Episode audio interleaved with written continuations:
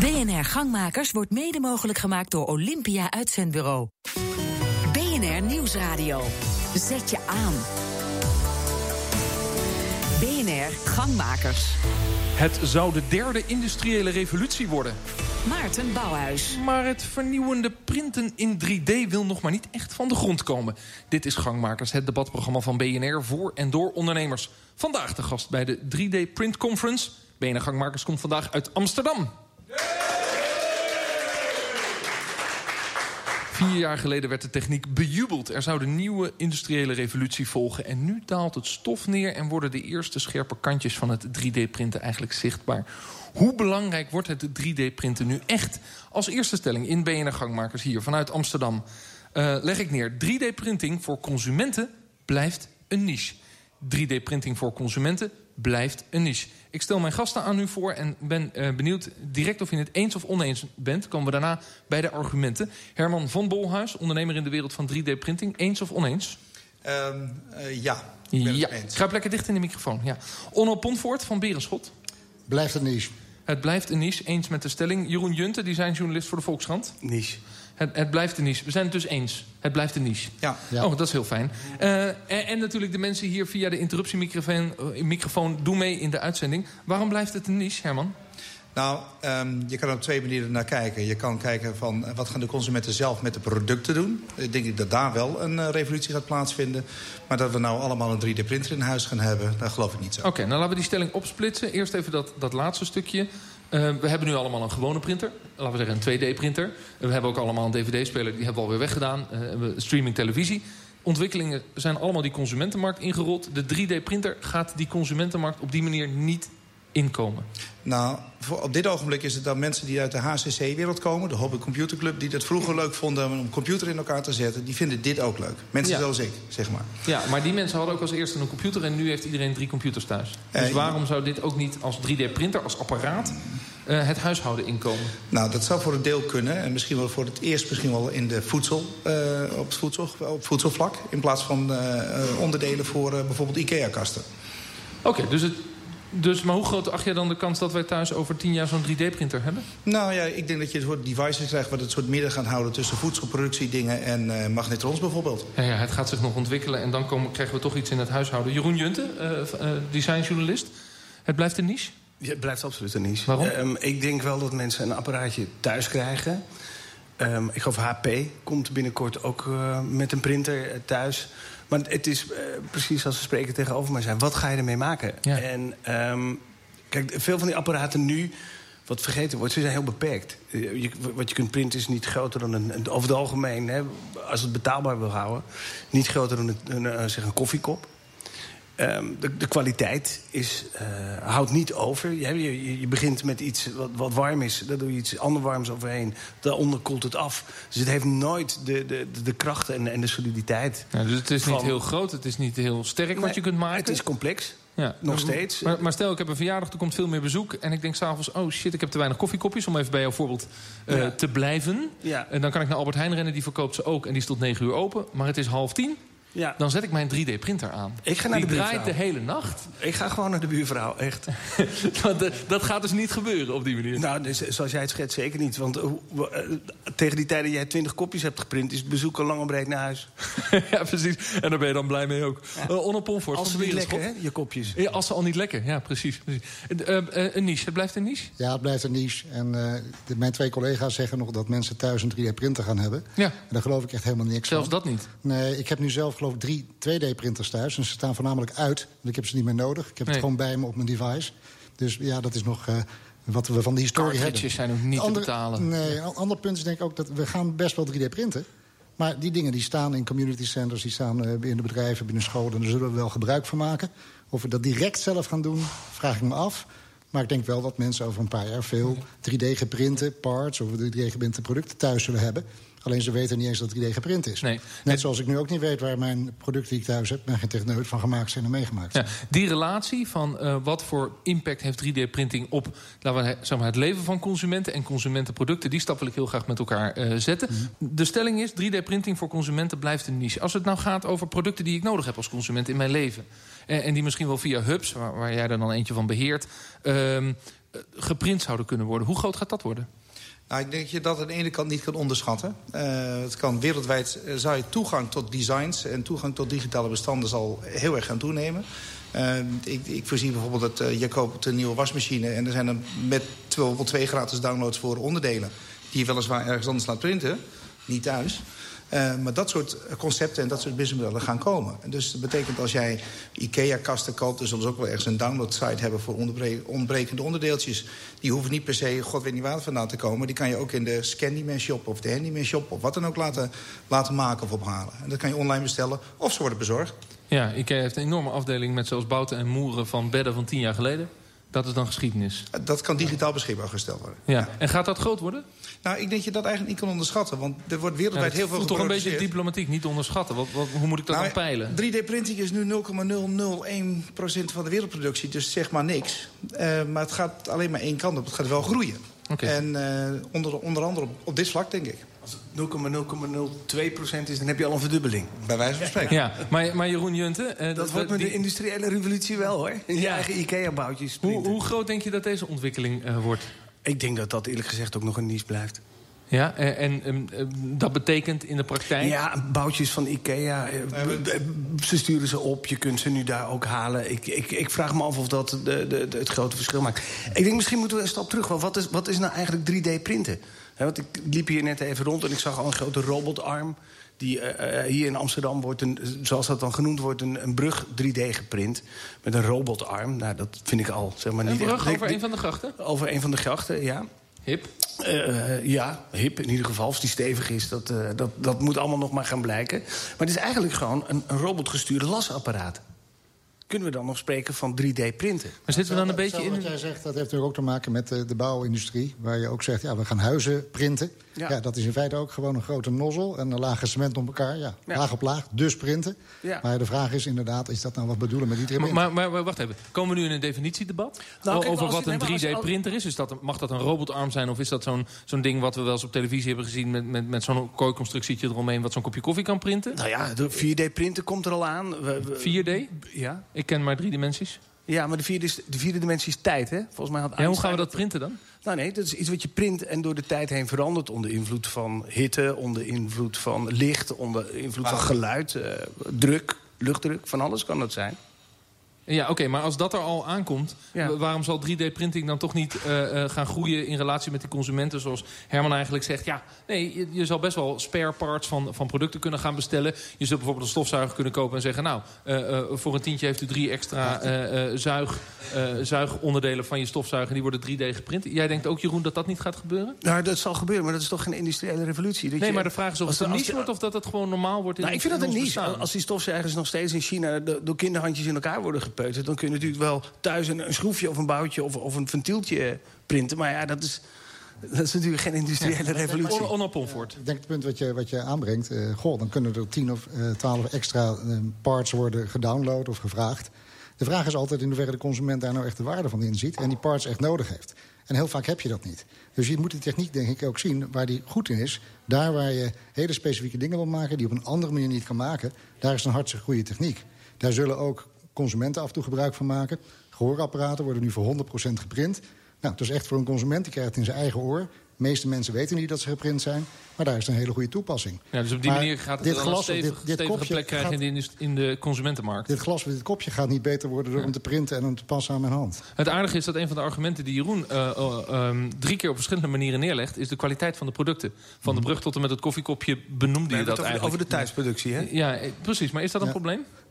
Ja, dat is, wel een, dat is wel een probleem, maar het is misschien minder een probleem dan het echt is. Ik zal even uitleggen. Ja, Eh, dat moet je zeker er- uitleggen. Want Nou, dit zijn- begrijpen mijn luisteraars niet. Nee, precies. Ehm, eh, als je parts maakt, moet die voldoen aan specificaties. Op dit moment heb je materialen bij 3D-printen... die nog niet voldoen aan die specificaties. Daarom worden vaak producten niet gemaakt. Dat betekent niet dat je met die materialen niet een product kan maken... wat voldoet aan de eisen die er zijn. Eh, dat kan best. Dus we moeten wat flexibeler worden in het accepteren van andere materialen... andere manieren van produceren voor gebruiksgoederen. Daar moeten we misschien wat andere eisen aan gaan stellen... Ja. en dan zal het veel sneller gebruikt Ja, voor mijn gevoel, Herman, heb jij de meest uitgesproken mening over het feit dat er uiteindelijk een soort van 3D-printingstations gaan komen in steden. waarin je bepaalde producten als consument heel makkelijk met een design laat printen en naar je huis worden gestuurd of je gaat ze ophalen of wat dan ook. Is die, die materiaalkeuze en die stevigheid daarvan dan een probleem? Nou, kijk, voor nu wel. Uh, maar over twee jaar zal het dan een stuk beter zijn. En uh, dus wat dat betreft, ik denk dat de technologie heel snel ontwikkelt. De kwaliteit ontwikkelt, er komen nieuwe materialen aan. Zoals jij zegt, aan de overkant van de tafel. ook 4D-printing komt eraan. Echt emerging materials die heel interessant zijn. Dus dat is, een, dat is een wereld die eraan komt. Dus ik denk over twee jaar zijn een heleboel drempels weggenomen zijn.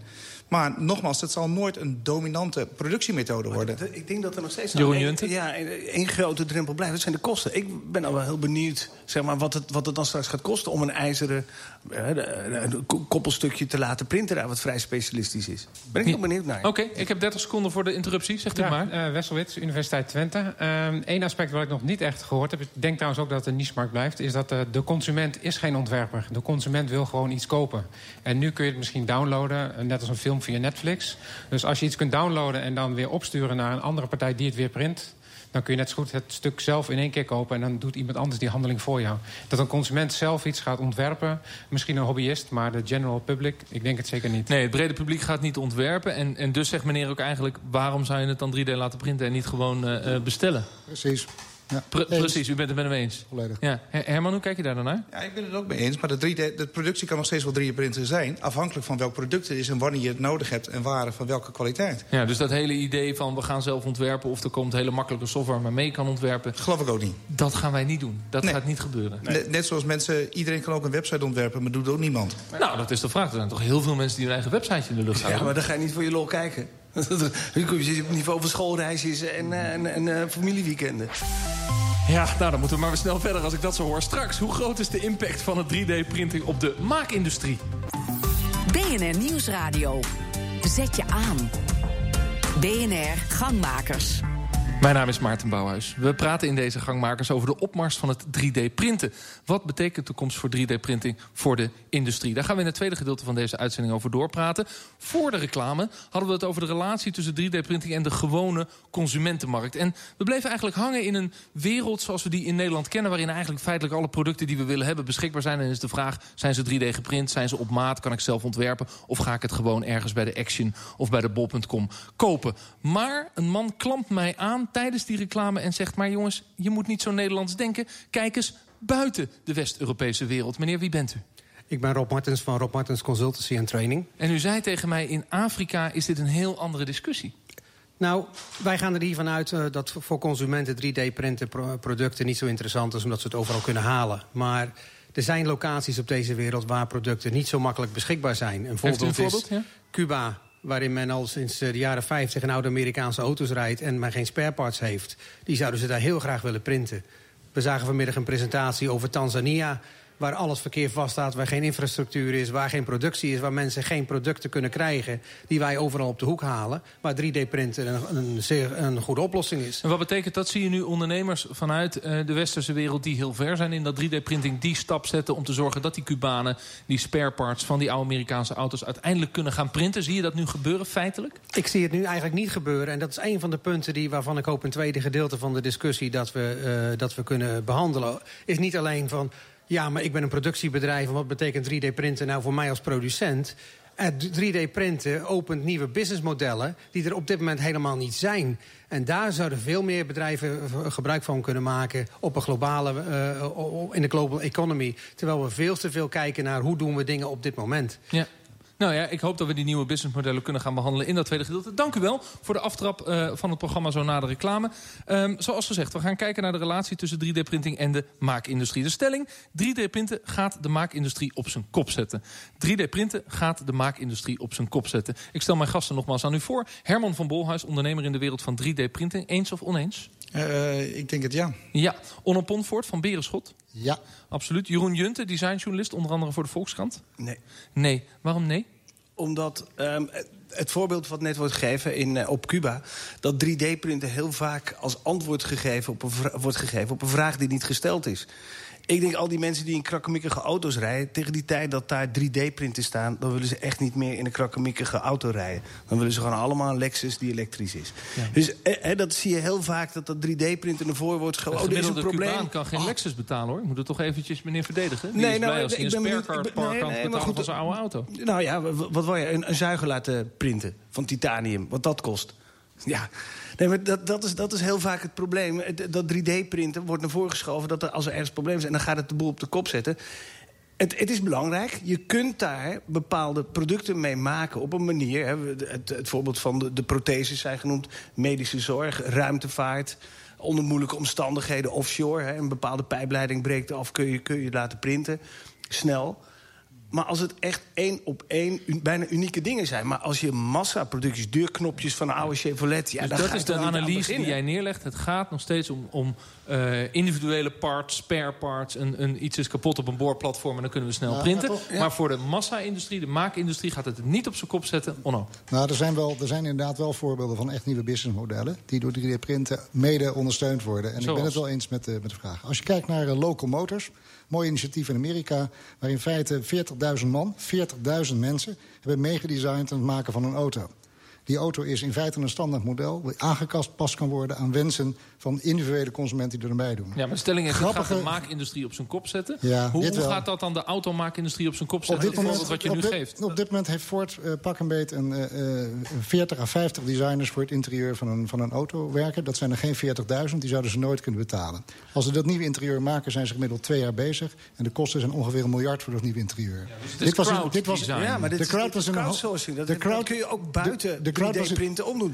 Even het, de crowd was, de crowd was uh, binnen een half jaar klaar met het, uh, met het design. En het heeft nog geen 6 miljoen gekost bij ja, maar elkaar. Dat, het gaat toch op, dit heeft op zich niet zoveel met, met 3D-printen te maken. Het heeft dat is crowdsourcen, open source werken. Dat gebeurt Fairphone, een Nederlandse telefoon... die een alternatief wil zijn voor uh, Apple en, en de Samsung. Daar is geen, geen 3D-printen in Dus wat jij zegt is, ik begrijp het voorbeeld van de crowdsourcing... Ja, maar, maar, dat is eigenlijk iets anders dan nou, 3D-printen. Waarom is dat wel? Het voordeel van 3D-printen hierbij is wel dat je, dat je nu tegen een relatief goede economische prijs... kleinere series kan maken wat je anders niet kan. Dus het is, crowdsourcing kan je overal gebruiken. Maar het feit dat je met 3D-printen de mogelijkheid hebt... om die wensen die daar uit die crowd komen... ook daadwerkelijk aan te kunnen pakken tegen een uh, redelijke prijs. Dat is wel iets wat alleen met 3D-printen... Oké, dat is de relatie met 3D-printen. En daarom zegt u, het kan wel de maakindustrie op zijn kop zetten. Herman van Bolhuis, waarom zet het de maakindustrie op zijn kop?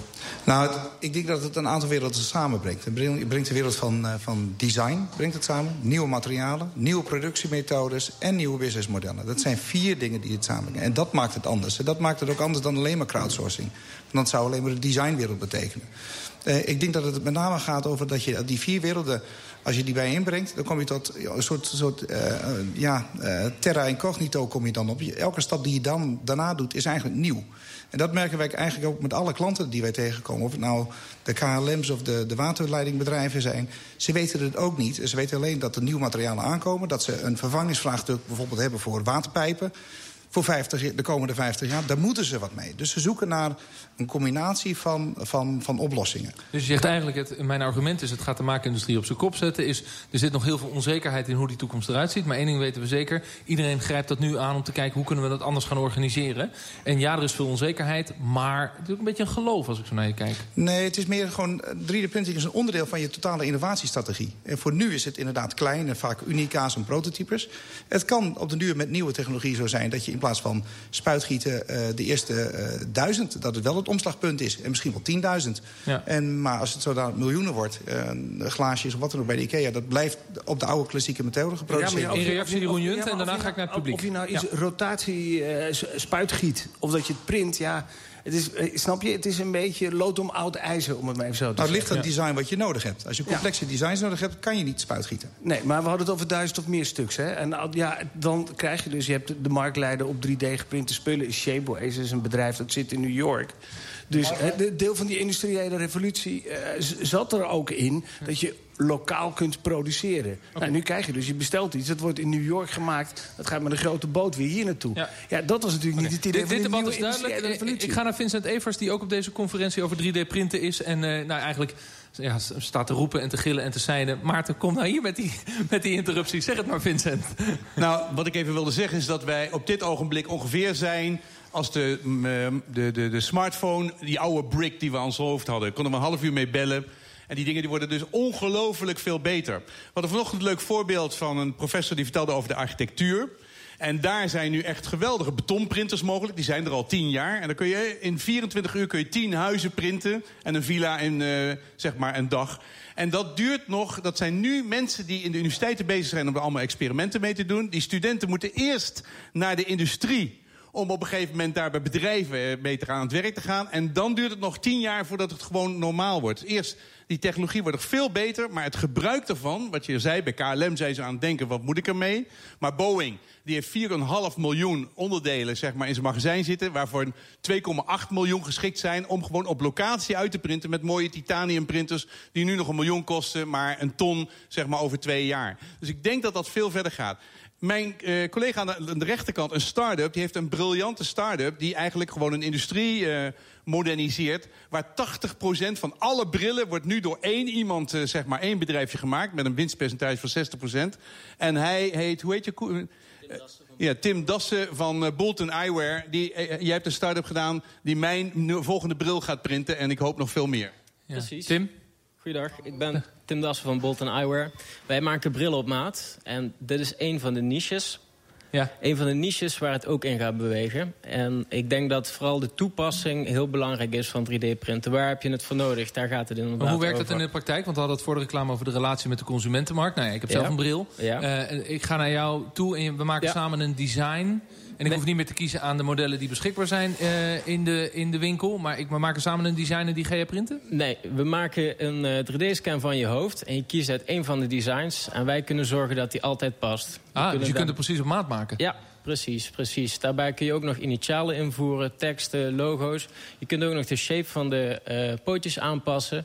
En op die manier krijg je een hele eigen bril en een heel erg product. Ja. En dan heb je inderdaad het voordeel van 3D-printen... doordat je kleine series gaat Ja, maken. je bent een start-up. Ja. Draait het productieproces al? Ja, ja zeker. Je hebt ook al particuliere klanten die dit doen. Ja, we hebben al meer dan 40 mensen die rondlopen met een bril op een dagelijkse basis. En vorig jaar een Kickstarter-campagne gevoerd die we succesvol hebben Ja. behaald. Oké, Ja. de microfoon mag naar de volgende eh, interruptie. Ik ga eerst even naar langs Jeroen Junten. Als je hier dan zo naar luistert. eh, jij bent de grootste criticaster aan Ja. deze tafel. Ja. Denk je niet, ja, nee, daar, daar moet ik wel in geloven. Nou nee, ik denk ook zeker dat dat een verschil kan maken. Maar nog even terug, die industriële revolutie. Het is natuurlijk een hele innovatieve manier van produceren. Maar gaan we nou zeggen dat de wereld fundamenteel... de economische manier, hè, de economische Nieuwe revolutie. Absoluut Vergelijkbaar niet. met het uitvinden niet. van de stoommachine.